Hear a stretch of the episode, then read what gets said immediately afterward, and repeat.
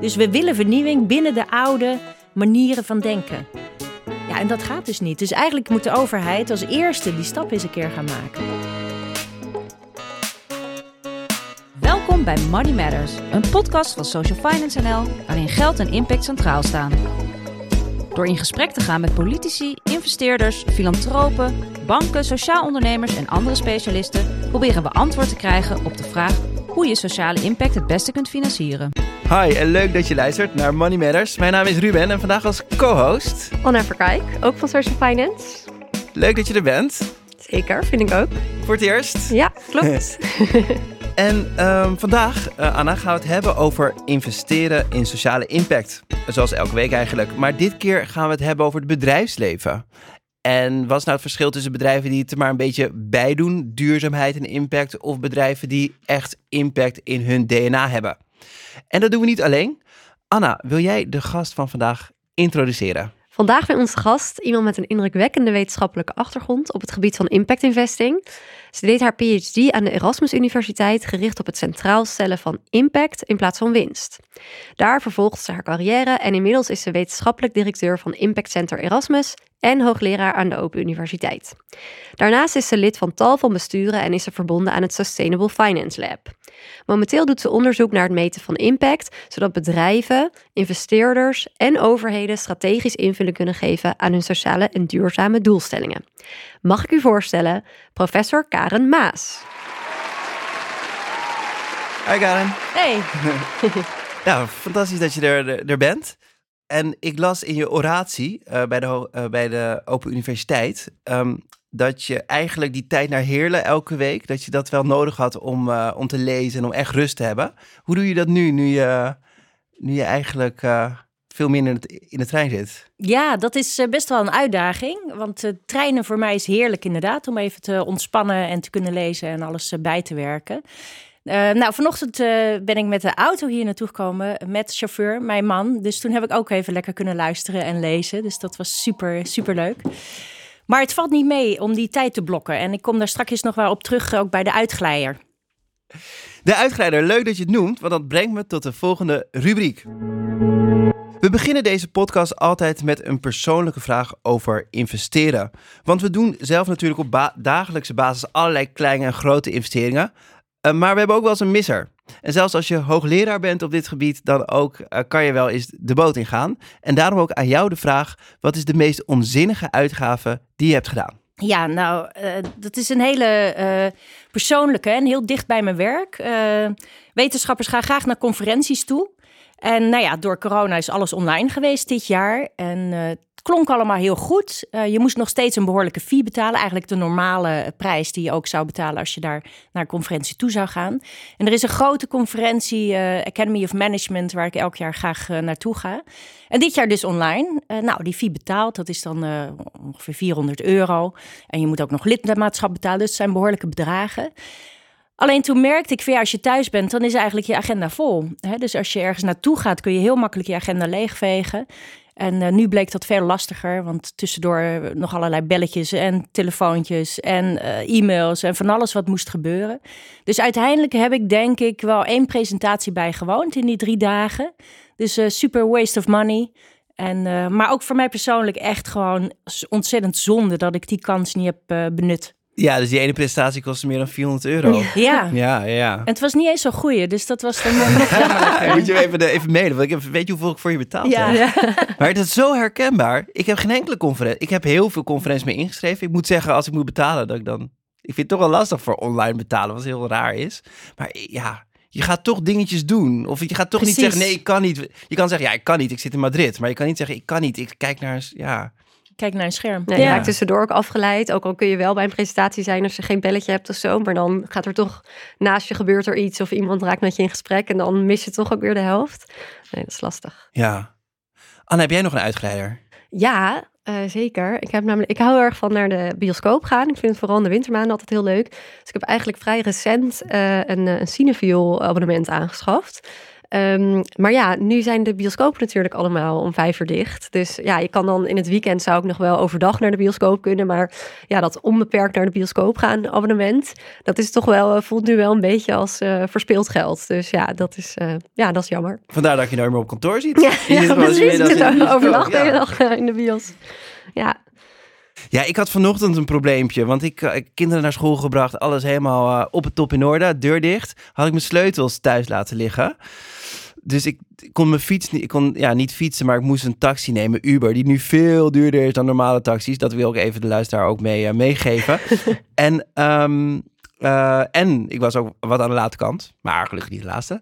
En, uh, maar uh, ja, dus daar heb ik best wel veel geld aan besteed vanochtend. En ik heb ook geen idee hoe de rest van mijn dag eruit ziet, want ik kan mijn huis niet in. Ja. Anyway. Tot zover de rubriek De Uitglijder. In deze podcast zijn we op zoek naar antwoorden op de vraag hoe je sociale impact het beste kan financieren. Vandaag gaan we het hebben over de rol die het bedrijfsleven daarin speelt en wat zij kunnen doen om te zorgen dat impactvol ondernemen doordringt tot de kern van hun organisatie. Eh, en met wie uh, doen we dat beter uh, dan met uh, professor Maas? Karin, jij bent gepromoveerd op dit onderwerp en hebt nu ook een leerstoel. En natuurlijk leidt het Impact Center Erasmus. En daarom kom ik voor jou bij de eerste stelling. Bij een beursgenoteerd bedrijf staat uiteindelijk financiële winst centraal. Ja, helaas uh, zien we dat in de praktijk toch wel. Alleen de vraag is, wanneer is uh, winst genoeg? Hè, winst kun je natuurlijk uh, oneindig naar streven, ten koste van alles en iedereen. dat hebben we zien gebeuren in de afgelopen nou, 100 jaar, denk ik. En we zijn ons wel een beetje verloren in dat winst denken en winst sturen en alles daaromheen maar je kunt ook zeggen, als, zelfs als beursgenoteerd bedrijf, van tuurlijk, winst is belangrijk, maar niet ten koste van alles. ik doe niet aan kinderarbeid of niet aan slavernij. En ik wil gewoon goede salarissen betalen. Ik wil niet te veel CO2 uitstoten, geen watervervuiling. Dus je kunt ook wel je eigen grenzen stellen. En hoe steviger je dat neerzet, hoe duidelijker dat ook kan zijn voor je aandeelhouders. Ja, zeggen veel mensen dan van ja, weet je, die aandeelhouders die uiteindelijk bepalen toch alles je, met vijandige overnames, eh, opsplitsing van bedrijven na aankoop, uh, waardoor heel veel mooie ambities weer wegglijden. Ja, dat zien we ook gebeuren. Alleen wat Fijke Siebesma altijd zei, van ja, hoe rechtlijniger en hoe coherenter je bent tussen wat je doet, wat je vertelt, waar je op stuurt, waar je over rapporteert. Als dat verhaal gewoon heel strak staat en je vertelt dat keer op keer op keer, ja, dan is er geen andere weg meer.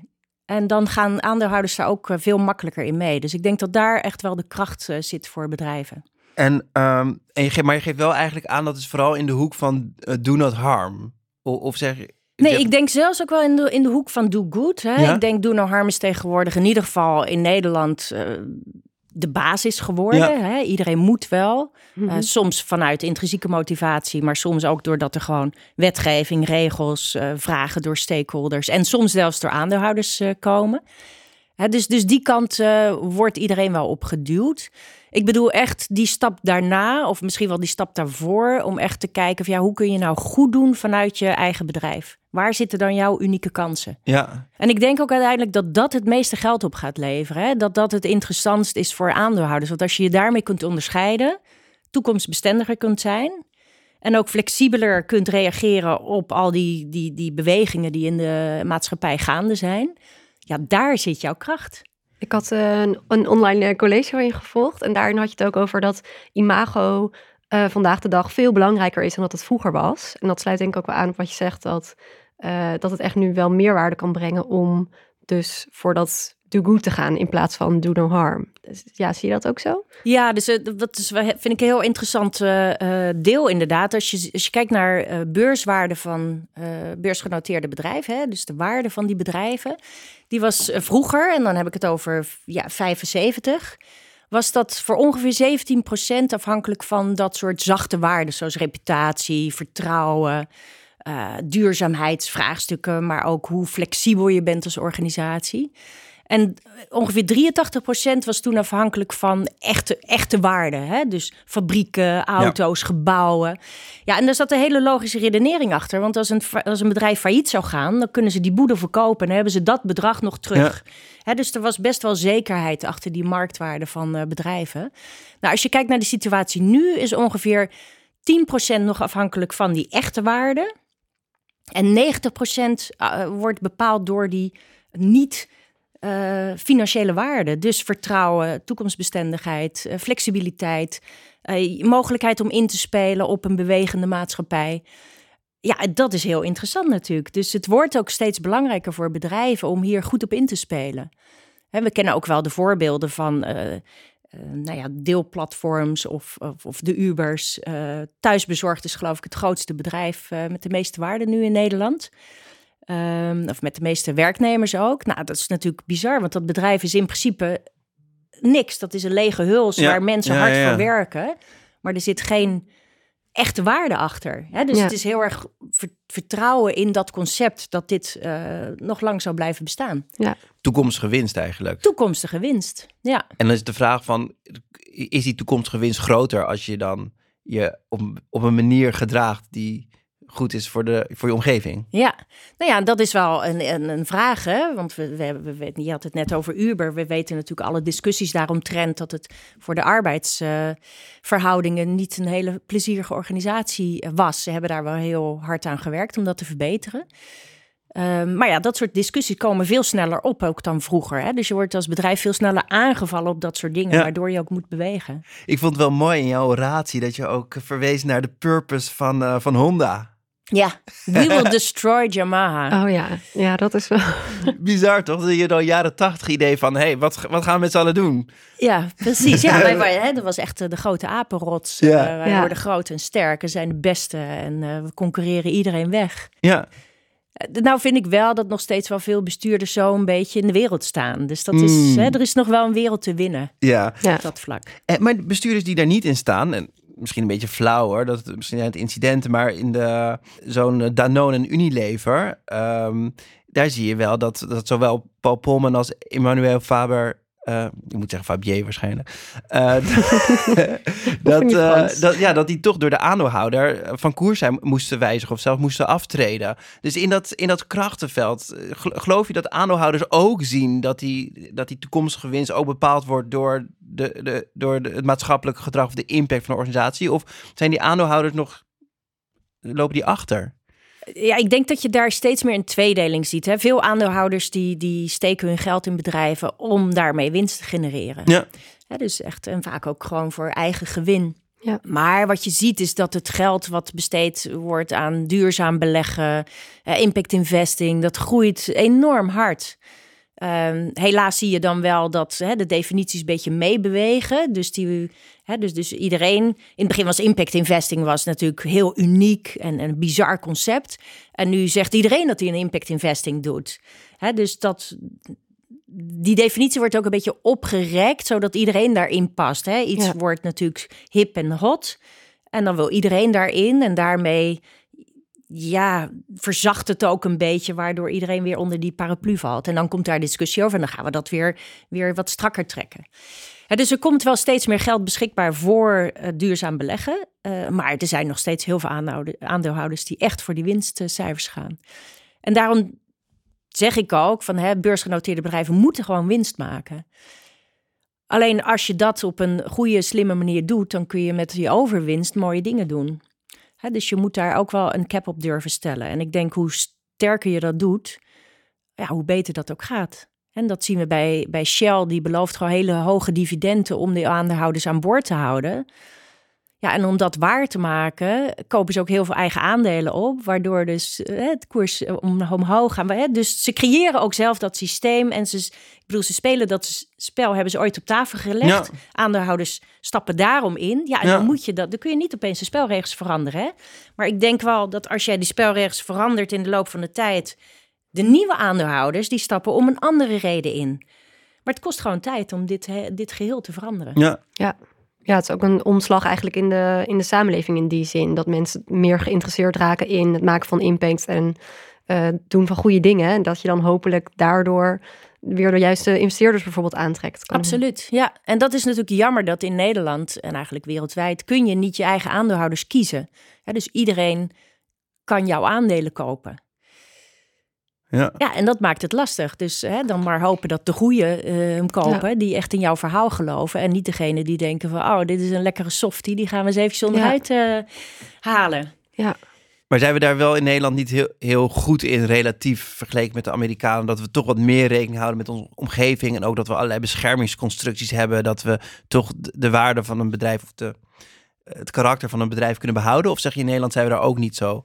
Ik denk dat we er beter in zijn dan eh, Amerika. Maar ik denk ook hier dat er heel veel uitdagingen liggen. Hè? Dus, dus de- destijds met die eh, vijandige overnames of die pogingen naartoe rondom Heinz Kraft en, en anderen. Toen hebben we ook vanuit Sustainable Finance Lab wel gepleit van... Goh, moeten we niet tijd inbouwen ehm, om de maatschappelijke impact van zo'n overname in kaart te brengen. Hè? Want we, vaak weet je, kun je ook wel voorspellen wat er gebeurt daarna. Ja. Hè, een deel wordt eh, verkocht en, en, en niet aan de beste partijen, maar daarmee gaat ook heel veel maatschappelijke ambitie verloren. Ja, waarom brengen we dat niet in kaart voordat we akkoord geven op zoiets?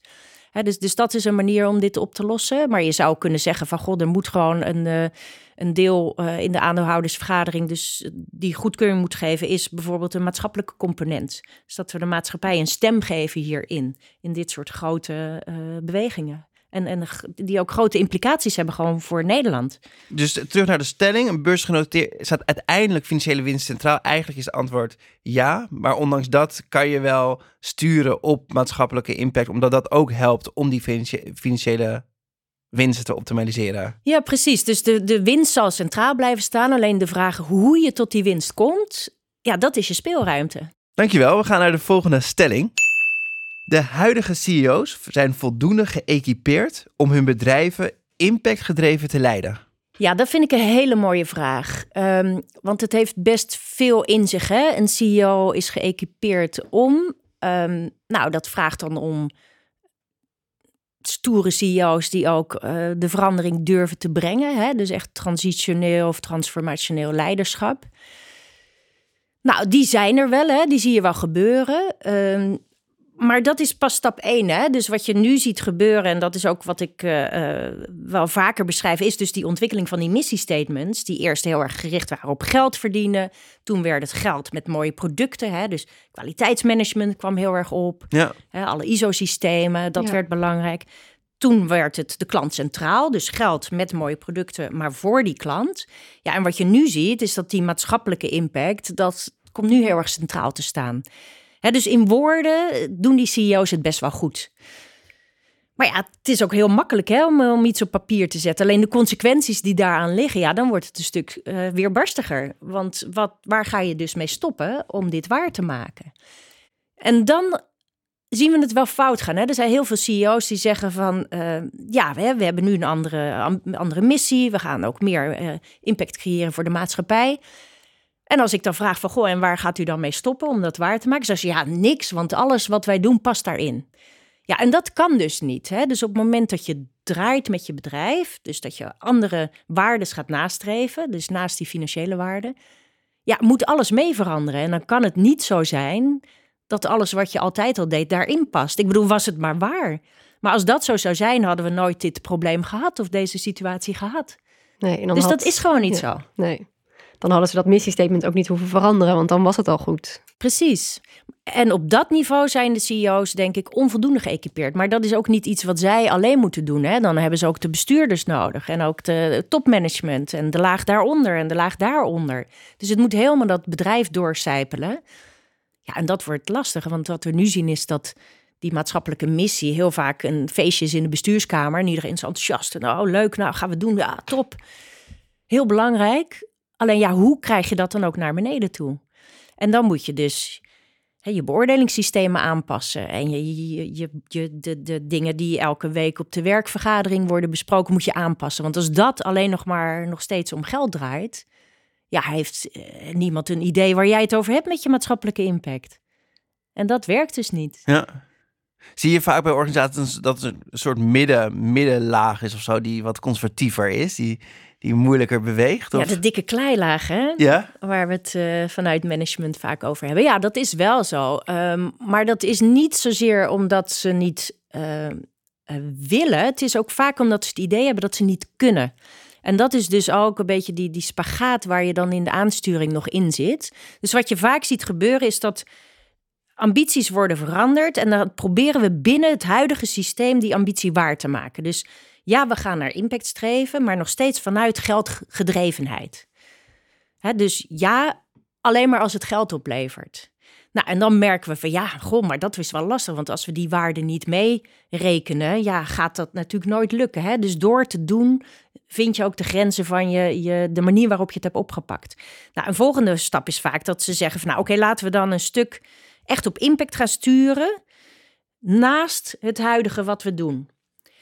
En een volgende stap is dat je zegt van, oh ja, maar dat hele economische denken, dat past niet. Hè? Dus dat moeten we draaien. We moeten echt die maatschappelijke waarden aan de voorkant al meeprijzen en meebedenken. Dat, daar op aansturen, daarop rapporteren. Uh, hè? Dus je gaat een nieuw systeem creëren. Ja, en dat zijn eigenlijk de fases waar we doorheen moeten. En ik denk dat we nog heel erg in dat eerste systeem zitten. Dus in woorden zijn we veranderd en we proberen dit waar te maken binnen de huidige structuren. Dus binnen dat financiële denken. Ja, en dat heeft enorm uh, grenzen. Anna, denk jij ook dat het een generatieding is? Zeg maar dat mensen die nu aan het begin van hun carrière staan, dat die er anders over denken dan, uh, dan de mensen in de boardrooms? Ja, ik kan me dat wel goed voorstellen. Ik denk dat zeker uh, jongere mensen toch echt meer gefocust zijn op impact maken en ook op uh, wat, wat je bijdraagt in de wereld. En ik kan me voorstellen dat dat, nou, dat een wat oudere generatie toch een andere instelling heeft. Dus ik hoop ook, dat vind ik ook wel hoopvol, want daardoor hoop je dat het met de tijd sowieso de instelling verandert. En dat het ook makkelijker wordt voor bijvoorbeeld een CEO met grote ambities om die waar te maken. Omdat in het bedrijf ook meer die mentaliteit heerst. Bijvoorbeeld in die, nou ja, in die kleilaag waar je het dan net over had. Als daar ook de ja, de mentaliteit anders is dan nu. Dat zou denk ik al een hoop schelen. Of tenminste, zo, zo klonk het in ieder geval. Ja, zeker. Ja, en ik heb ook echt uh, veel vertrouwen in de nieuwe generatie. Ik hoop echt dat die het uh, verschil straks gaan maken. Ja, dus ik denk echt dat het een, een, een generatieding is. Ja. En uh, ja, het kost gewoon nog 10, 20 jaar tot de oude garde, laat maar zeggen, is uitgefaseerd. Maar je ziet het ook wel bij de, de jonge ondernemers, hè? dat, dat van de van de, van de ondernemers die nu starten is ongeveer 70% of 80%, ik weet niet precies de cijfers, zijn socia sociale ondernemers. Echt waar? Die zijn echt gestart wow. vanuit een maatschappelijke missie. Dan moeten we ook wel ons realiseren dat 80% van de ondernemers die halen het ja, niet. Nee, maar nee. uiteindelijk geeft dat wel iets weer. Hè? Dus dat heel vaak uh, het alleen maar geld verdienen, dat is voor veel, velen in de jonge generatie niet voldoende. Hè? Het moet Ja. ook maatschappelijk nut hebben. Ze moeten zich ook echt nuttig voelen. Dat, je merkt echt wel dat dat uh, ja, verschoven is. Ja, dat denk ik ook wel. Dat het meer uitmaakt wat je brengt in de wereld dan vroeger ging het misschien meer gewoon omdat je een goede baan had en dat je zekerheid had. En nu is het denk ik ook heel belangrijk dat mensen het idee hebben dat ze iets toevoegen uh, in hun baan. Ja, nou en het grappige is wel dat uh, ik, ik, sprak laatst met iemand van Alliander en die zei van ja, we krijgen heel veel mensen die graag bij ons willen werken voor dat mooie verhaal hè, van wij dragen bij aan de energietransitie. Maar ja, zij moeten uiteindelijk ook gewoon kabels in de grond leggen. Hè? Dus er moet ook gewoon gewerkt worden. En toen zeiden ze van ja, daar hebben we soms wel last van. Dat mensen Ja. gewoon zo'n idee van, oh, Ja. we gaan de wereld veranderen. Maar uiteindelijk moeten ook gewoon natuurlijk dingen gedaan worden. Dat, maar ik kan me ook voorstellen dat je met ronkende verhalen wordt ge- geleid van hey, we gaan de wereld veranderen. En dat je dan eh, kom je op je plek en heb je een manager en die, eh, die wil het gewoon doen zoals hij het afgelopen 30 jaar heeft gedaan. Ja, soms wel, ja. ja. Maar eigenlijk zeg jij van oké, ehm, er is een generationele verandering. Kunnen we Op wachten. Maar ja, ja, dat, dat- dat- duurt te lang. Hè? Dat duurt te lang.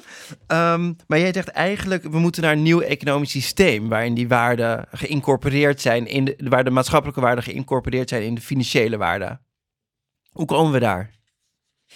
Nou ja, de, die beweging is al gaande. Hè? Ik bedoel, brede welvaart. Daar hebben jullie zelf ook in een verschillende podcasts Ja. eh, over gesproken. Ehm, hè, de nieuwe AIX-berekeningen, waarin ook niet-financiële waarde wordt meegerekend. Alleen wat we daar vaak doen, en dat is wel ehm, een kritiek die ik daarop heb, is dat we eigenlijk wat we nu produceren, dat gaan we dan vertalen naar maatschappelijke waarden. Alleen eigenlijk ehm, deels is dat ook al ingeprijsd. Hè? Ik denk dat we heel erg moeten kijken naar de niet gecreëerde maatschappelijke waarden en de kosten die daaraan hangen ook. Ehm, ik vind het interessanter eigenlijk hoe bedrijven daar invulling aan kunnen geven. Hè? Dus niet zoals ik, en dat wil niet zeggen per se dat je alles moet monetariseren, want dat heeft ook echt zijn beperkingen, vind ik. Maar dat ze het wel mee gaan wegen in investeringsbeslissingen. Dus dat ze naast een financiële doorrekening ook een niet-financiële doorrekening maken. En of dat nou in geld is of in eenheden van wat dan ook. Maar dat ze dat in ieder geval meewegen en dat ze dat ook eh, bij elke beslissing die ze nemen integraal overzien. Dat gebeurt nu bijna nooit. Dus als er al wordt gemeten, dan aan de voorkant gebeurt er eigenlijk niks. Aan de achterkant hebben we dingen geproduceerd. En die gaan we dan vertalen naar maatschappelijke waarden of maatschappelijke kosten. Ja, dat is leuk. Alleen de volgende stap is van wat leren we daarvan? Hoe kunnen we daarop sturen? En hoe kunnen we dat dan in bij de investeringsbeslissingen mee gaan nemen? Ja. ja en dan krijg je wat we eigenlijk ook bij finance doen. aan de voorkant voorspel je wat de effecten zijn. Daar geloof je wel of niet in. Je gaat investeren, daar komt iets uit, dat ga je meten. Daar leer je van en volgende keer heb je nog een betere investering. Ja. Ja, en bij maatschappelijke impact is die redenering op de een of andere manier heel moeilijk. Men vindt het dan opeens heel moeilijk. Terwijl ik denk van ja, we weten hoe dat moet vanuit finance. Het meten van impact is wellicht wat weerbarstiger. Begin gewoon klein en, en ga gewoon doen. En uh, nou, binnen de, op de campus van Erasmus is natuurlijk één, uh, één verdieping of één gang waar er volop over wordt gedacht. Hè? Jouw Impact Center. Um, maar jullie leiden natuurlijk de economen en de bedrijfskundigen van de toekomst op. Dat zijn duizenden per jaar. Heb je het gevoel dat het ook uh, doorgedrongen is tot het reguliere curricula? En eh, worden de mensen op, op een goede manier voorbereid op die nieuwe werkelijkheid? Mm, mondjesmaat. Ik denk dat die verandering in het curriculum veel te langzaam gaat. Dat is deels ook een generatieding. Hè? Dus de heel veel zittende hoogleraren die dan de traditionele economische vakken onderwijzen, die zijn zelf niet zo getraind. Die vinden hier ook van alles van. Uh, soms uh, goed, soms niet zo goed.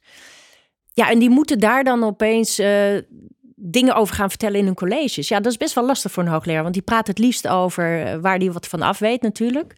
Ja, en als die hier niks van af weet, dan wordt het heel uitdagend ook voor zo'n hoogleraar. Vanuit Erasmus is er nu wel een, een, een, een, programma gestart waarin we dus ja, min of meer verplichten dat, uh, dat duurzaamheid en niet-financiële waarde in elk vak of elke faculteit moet daar iets hm. mee. Goed. Alleen hoe dan? Ja, dat is nog best uh, een uitdaging. De een die uh, ontvangt het met open armen en de andere denkt van uh, past niet in mijn, in mijn theorieën. Dus hoe ga ik daar nou wat over vertellen? Ja, snap ik. Ik kan me ook voorstellen dat als je met dezelfde mensen iets heel anders moet gaan doen, dat dat ook wel uitdagend is. Precies, dus je hebt daar ook gewoon hè, de, de, de nieuwkomers nodig die met andere theorieën en andere ideeën komen. Ja, dus eigenlijk of die CEO's voldoende geëquipeerd uh, zijn, dat, dat valt maar te betwijfelen. Maar uiteindelijk moeten, we, moeten de CEO's niet veranderen, maar het systeem. En dan veranderen de CEO's uh, mee. Ja, precies. Maar ik denk wel dat de CEO's een eerste stap moeten zetten. Hè? Dus uh, um, verandering zonder commitment en vertrouwen vanuit de leiding dat werkt nooit. Dus je hebt dat minimaal nodig. Dus daarmee hebben de CEO's wel een hele grote rol te spelen. Walk the talk. Walk the talk. We gaan door naar stelling 3. Het bedrijfsleven is in grote mate verantwoordelijk voor de klimaatramp. Ja, uiteindelijk wel. Maar dat bedrijfsleven, dat zijn wij, hè? Wij hebben dat met z'n allen gecreëerd. Het bedrijfsleven is niet een of ander monster wat daar is en wat niet meer te veranderen is. Dus ik vind dat best een lastige vraag. Ja, volmondig. Maar ook weer nee, want zij hebben gewoon gedaan binnen de ruimte die, die ze hadden. dus ik denk niet dat dat allemaal vanuit slechte bedoelingen is gebeurd en, en vanuit winstbejacht. Nee, dat is gewoon het systeem, daar hebben we het weer, wat we met z'n allen gecreëerd hebben. En zij hebben daar heel handig gebruik van gemaakt. Ja, en dat is een beetje fout gegaan. Maar dat is niet per se alleen de bedrijven. Dat is ook de overheid die dat, die, die ruimte heeft gegeven. Dat zijn ook wij consumenten die al die spullen kopen. Dat zijn ook de stakeholders die niet genoeg druk uitoefenen of genoeg vragen stellen. Maar, maar um, en, en als we dan naar kijken naar de toekomst, die verandering, moet, kan je dan zeggen van bedrijven moeten veranderen, zeg maar, en dan ook aanspreken op de intrinsieke motivatie van al die mensen die daar werken? Of moet je gewoon zeggen van, hé, hey, we gaan de regels veranderen en als je enigszins winst wil maken, dan moet je je daaraan houden en moet je dus eh, je bedrijf anders inrichten. Geloof je dat er een bepaalde kracht intrinsiek vanuit het bedrijfsleven kan komen? Of moet dat vooral worden opgelegd? Nee, absoluut. Ik denk wat we nu zien, dat de wetgeving, in ieder geval in Nederland, hè, Nederland is wel een heel vooruitlopend land op dit gebied. Toch wel, ondanks Mhm. dat wij natuurlijk heel kritisch zijn nog steeds. Maar eigenlijk gebeurt er best eh, veel goeds. Ehm, is dat de wetgeving eigenlijk een beetje achter de bedrijven aanhobbelt. Hè? In Nederland zijn er Hm. heel veel CEO's die pleiten voor het inprijzen van externaliteiten, waaronder CO2. Ja. En dat is eh, omdat zij graag een, ehm, nou ja, een, een, een, een equal playing field willen creëren. Hè? Dus laat maar zeggen, gelijke eh, kansen, maar ook gelijke plichten voor iedereen. Want ze hebben zoiets van, ja, wij eh, nemen het voortouw. We hebben laten zien dat het kan. We worden daar niet voor beloond. Eh, de markt speelt daar dan toch onvolledig op in. Ehm, dus maak dit gewoon wettelijk verplicht. Dan moet iedereen wel. En dan, ehm, dan, dan dragen wij niet in ons eentje de kosten. Je ziet wel dat heel veel partijen meeliften op het, het goed doen van een paar, paar partijen. Ja, dus uiteindelijk hebben we, moeten die bedrijven veranderen. En ik geloof echt in die intrinsieke kracht wel. Eh, maar om die achterblijvers ook mee te krijgen, hebben we wel die overheid nodig die wat dingen, meer dingen gaat verplichten. En eh, nou, ja, we zien dat wel al gebeuren in rapportages. Hè? Dus er moet steeds meer worden gerapporteerd. Eh, bestuurders worden steeds verantwoordelijker gesteld voor die maatschappelijke waarde Ja. die wordt gecreëerd. Ehm, alleen die wetgeving loopt een beetje achter de feiten aan. Dus het is toch weer eigenlijk iedereen samen. Het is een, een exercitie van iedereen samen. Dus niet alleen weer die systeemsverandering eigenlijk. Niet alleen het bedrijfsleven, maar ook de overheid en de consument zelf. Iedereen samen moet het moet toch iets veranderen om uiteindelijk dan misschien iets aan de klimaatramp te kunnen doen, als ik het goed begrijp. Ja, ja, ja. En dat, is, dat vind ik wel jammer, want je zou toch hopen dat de overheid, eh, als ze al gaan aansturen, ehm, haantje de voorste moeten zijn op dit gebied. Ja, en dat zijn ze niet. Hè? Dus je ziet een aantal bedrijven die gaan bewegen, of, of vanuit intrinsieke motivatie, maar ook omdat ze gewoon kansen zien Ja. voor zichzelf. Mhm. En dan zeggen ze, overheid, zou je niet meebewegen met, met mij? Ja, en dat is eigenlijk, de, wat mij betreft, de wereld op zijn kop. Ja. Wat mij betreft moet die overheid de, de, de kaders en de grenzen stellen Ja, het goede voorbeeld het ook. goede voorbeeld geven. Ja, en dat gebeurt nog lang niet. Hè, dat vond ik ook mooi in de podcast met Hans Tegenman. Dat hij ook zei van... eh, ook dat hele impactdenken bij de overheid gebeurt niet. Hè? Dus zo'n zo'n miljoenennota, die wordt in woorden... eigenlijk precies dezelfde fasering, heel Ja. mooi. Dus in woorden wordt er nu gesproken over brede welvaart, maatschappelijke waarden.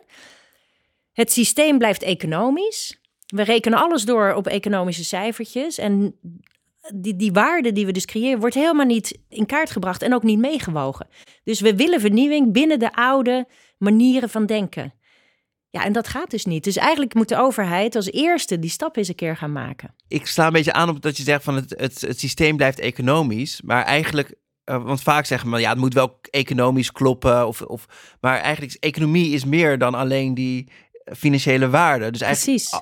volgens mij is het juist als we economisch willen denken, dan moeten we overal rekening mee houden. En niet alleen met wat we het plus en minnen in het, in, in, op korte termijn. Ja, helemaal eens. Dus ik moet zeggen, eigenlijk het financieel gedreven systeem. Ja. Dus het economische systeem hebben want vanuit de welvaartseconomie eh, moet juist het nut voor alle mensen worden meegewogen. Hè, dus zou je zeggen dat milieu, mens en economie in zijn totaliteit wordt meegenomen. Alleen doordat we financieel kijken, wordt maar een heel klein deeltje van alles meegewogen. Namelijk dat wat in de marktprijzen zit, dat waar we geld voor terugkrijgen en dat wat we nu in het huidige systeem moeten betalen. Dus juist eigenlijk niet zozeer voor die achterblijvers, maar die voorlopers in, in het bedrijfsleven, zou het heel nuttig zijn als de overheid eh, met wetgeving komt, omdat ze dan niet ver- verliezen ten opzichte van hun concurrenten, omdat ze meer doen aan duurzaamheid, maar juist winnen. Ja, precies. En ik denk ook echt dat het de voorlopers weer zal prikkelen en ook ruimte zal geven om weer een stap Ja. verder te kunnen gaan. Want zij zullen altijd die voorlopers willen blijven natuurlijk. Ja. Juist als je gelooft dat je ander, het anders doet dan de anderen, als de hele meute aansluit, Ja. ja, dan moet jij weer versnellen. Ja. Ja. Terwijl als dat niet gebeurt, ja, dan is jouw eh, voorlopersrol is nu al voldoende. Dus jij is er geen enkele noodzaak meer om nog een stap te zetten. Nee. En dat vertraagt alles. Niet alleen de achterblijvers, maar ook die voorlopers. Ja, dus je moet echt, dat zei je al eerder, maar dat ze beloond worden om eh, va- vanwege het feit dat ze die voorlopers zijn. Dan, dan wil je natuurlijk nog harder lopen als je ervoor beloond wordt. En als die beloning uitblijft, dan kan ik me ook voorstellen dat dat juist weer terugloopt. Precies, ja. En wat bedrijven wel vaak zeggen is van ja, de klant vraagt er niet om. Nou, ik denk dat we daar niet op moeten wachten, want de klant koopt toch en vraagt toch dat wat hij kent, dat Mhm. wat er is. En er is natuurlijk wel een, een nichegroep, vooral de jonge generatie, eh, met de hele vegan movement, die echt het, het anders wil doen. Dus ook niet meer koopt wat er is, maar de grote meute, die koopt gewoon wat wordt aangeboden. Dus ja, eer de klanten wegblijven bij de Action eh, of bij, eh, nou ja, plastic rotzooi wat we eigenlijk niet nodig hebben. Ja, daar moeten we niet op wachten. Nee. Hè? Ik denk dat we het echt van de bedrijven en de overheid moeten hebben om die verandering tot stand te brengen. En te dus- zorgen dat het niet meer in de winkels ligt. Dus geloof je ook niet zo in het feit van als consument begin bij jezelf? Denk je dat dat toch te klein is Nou, eigenlijk? nee, daar geloof ik heel erg in. Alleen ik denk dat het vermogen van mensen om te beginnen bij zichzelf heel beperkt is. Ja. Er is volgens mij ook wel een percentage voor, hè? Hoeveel mensen echt bewust inkopen doen of zo. Een heel, Waarschijnlijk een deprimerend percentage. ja, ja, ik weet het niet meer. maar Waarschijnlijk in deze bubbel is het 100%, maar eh, ja. Nou ja, en ik denk ook wel dat doordat dus alle negatieve effecten niet zijn ingeprijsd, zijn nu ook die duurzame producten zijn gewoon super duur. Klopt, ja. Ik bedoel, Ja. hè, als je eh, nou ja, bepaalde producten koopt, dat is wel drie keer de normale prijs. Ja, maar klopt. als alle negatieve milieueffecten zouden worden ingeprijsd, ja, krijg je een heel ander prijzensysteem. En Ja. dan vanzelf wel gaan die, Ja. Gaan die consumenten mee. ja, want nu kun je mensen misschien ook niet kwalijk nemen die inderdaad helemaal niet het geld hebben om die duurzame producten te kopen, die veel duurder zijn, zouden misschien willen. Maar ja, dan is het beter om die prijs door te rekenen, want dan kunnen mensen ook met minder middelen kiezen wat ze het liefste willen. Bijvoorbeeld goede producten, biologische producten, nou ja. Precies. Jamie, maar ja, de overheid is natuurlijk ook, die beweegt zich ook gewoon naar de kiezer toe. En die zitten er ook niet op te wachten. Dus komt die dan wel met zo'n zo'n doorbraak, denk je? Of... Oh ja, oh, ik hoop er al zo lang op. Alleen het, eh, het is er nog niet gekomen. Kijk, wat ik altijd heel raar vind, is dat het politieke systeem eh, de overheid zo bepaalt. En dat vind ik echt een bizarre situatie. Hè? Dus ik snap niet dat Nederland niet een, een visie heeft van een Nederland 2050 of, of 21, hè? De, Ja. de volgende eeuw. Hoe ziet Nederland eruit? Wij moeten als land toch een visie hebben over wat voor land wij willen zijn. Eh, maar nu lijkt het erop dat het de ene keer is het groen. Als groen een beetje sterk is, de andere keer is het geld. Als een andere partij aan de macht zijn, de andere keer is het de mens. Dus we waaien eh, met alle winden mee. En dat vind ik zo onvoorstelbaar. Dus dat wat we vragen van de bedrijven, van je hebt een missie, eh, vertaal die naar beleid en strategie, naar wat je doet, stuur daarop aan, ga meten, leer. En hè, dus die hele cyclus. Nou, daar is de overheid nog heel ver weg van. Ja. En hoe dat nou komt, ja, dat, dat begrijp ik niet zo goed. Ik, tuurlijk, ik snap wel dat het politiek systeem bepalend is, maar ik begrijp nooit zo goed dat het zo bepalend is. Dat zou toch anders kunnen? ja, dus eigenlijk moeten we dan wat bureaucratischer worden misschien. Dat de, bureau, dat de ambtenaren toch wat meer macht krijgen of zo? Of hoe? Ja, weet ik niet. Want de ambtenaren die zeggen dan weer, hè, dus als ik met de uitvoerende organisaties praat over impact en holistisch denken en integraal denken, dan zeggen ze ja, maar dat is politiek. Dat doet de politiek. Wij voeren uit wat de politiek heeft besloten. Dus het is ook een raar systeem eh, van die, hè, dus de ambtenaar, de uitvoerende organisatie, Ja. dat is die kleilaag. En die doet gewoon wat hem wordt opgedragen. Nu. Dus daar zal de verandering zeker niet van komen. Ja, ja. Nou, we hadden wel een podcast, volgens mij 11, eh, Bernard ter Haar te gast. eh, om- eh, be- me- eh, ons bestuurslid. En die op zich, die is wel heel... die heeft geen last van kiezers of zo. Dus die vertelt gewoon Ja, wat hij vindt dat er moet gebeuren. Precies. Ehm, maar ja, dat is denk ik wel een uitzondering. eh in, in ambtenarij. In principe ben je gewoon aan... Voer je uit wat de politiek... Nou, en ik wil niet zeggen dat de ambtenaren geen visie hebben. Hè? Dat hebben ze degelijk wel. Alleen ik denk dat ze onvoldoende ruimte voelen om ehm, dat ook tot uitvoering te brengen. Ja, dat snap ik wel. Dus, maar moeten we ze dan ook meer... Moeten we dan ook vaker zeggen van... hey, los het maar op. Of moeten we die ruimte ja. geven dan? Ehm, ik denk dat dat wel in ieder geval een interessant experiment zou zijn eh, op een paar onderwerpen. Om eens te kijken wat er dan Ja. gaat gebeuren. Een soort Nou. pilot. Ja. Een soort pilot. Maar in ieder geval, de, dus de, de, inderdaad, de, het bedrijfsleven heeft een bijdrage, eh, of een grote bijdrage aan de, aan de klimaatramp die op ons afkomt. Ehm, maar ze kunnen het niet alleen oplossen. De, eh, er is wel, wel degelijk intrinsieke motivatie, maar de overheid moet kaders stellen. Is dat een, Absoluut. Ja. een samenvatting? Dankjewel. Dus we hebben het over beursgenoteerde bedrijven eh, gehad, waar financiële winst centraal staat. Maar dat betekent niet dat ze geen maatschappelijke impact kunnen maken. CEO's zijn misschien nog niet helemaal geëquipe- geëquipeerd op het nieuwe systeem waar we naartoe gaan. Uh, maar ze moeten wel een leidende rol in die transitie gaan spelen. Walk the talk. En ja, het bedrijfsleven is in grote mate verantwoordelijk voor de klimaatramp.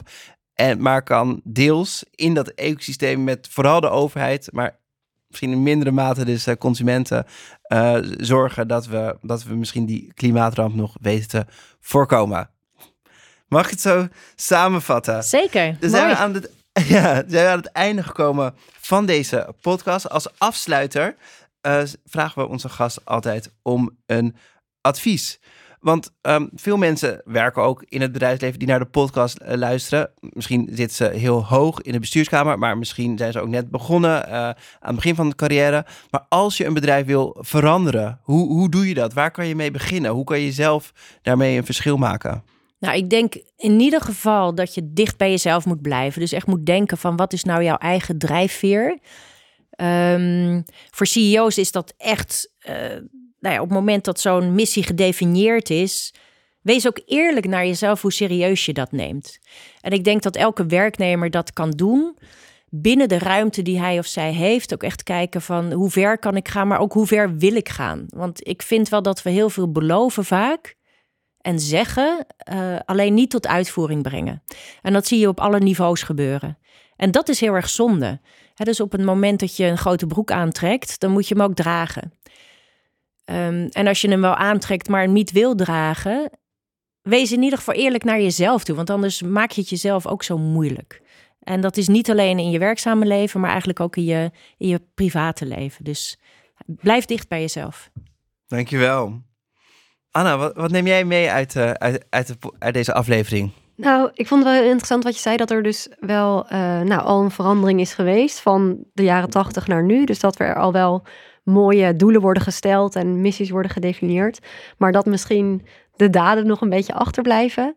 En uh, nou, waar we het dan over gehad hadden, ik hoop dat dat dan inspirerend is, dat, dat misschien de volgende generatie daar ook aan, uh, aan kan bijdragen later. En ja, nu ook al dat, dat, uh, dat de huidige bestuurders toch ook wat meer op die daden gaan zitten in plaats van alleen maar die woorden. Dus ja, heel interessant gesprek, dankjewel. Leuk, ik vond het ook heel leuk om hier te zijn met jullie. En leuk om af te sluiten, nu we Rotterdammer te gast hebben met geen woorden, maar daden. Absoluut. Dankjewel Karin voor je, voor je interessante inzichten. En ook dank aan mijn co-host Anna. Leuk dat je erbij was. ABN AMRO en Oranje Fonds voor het mede mogelijk maken van de podcast. Productie Daniel van der Poppen. Redactie Daphne Splegger en Nina Berkelo. En wil je niks missen van deze reeks? Abonneer je dan nu op de podcast via je favoriete podcastkanaal. Dankjewel.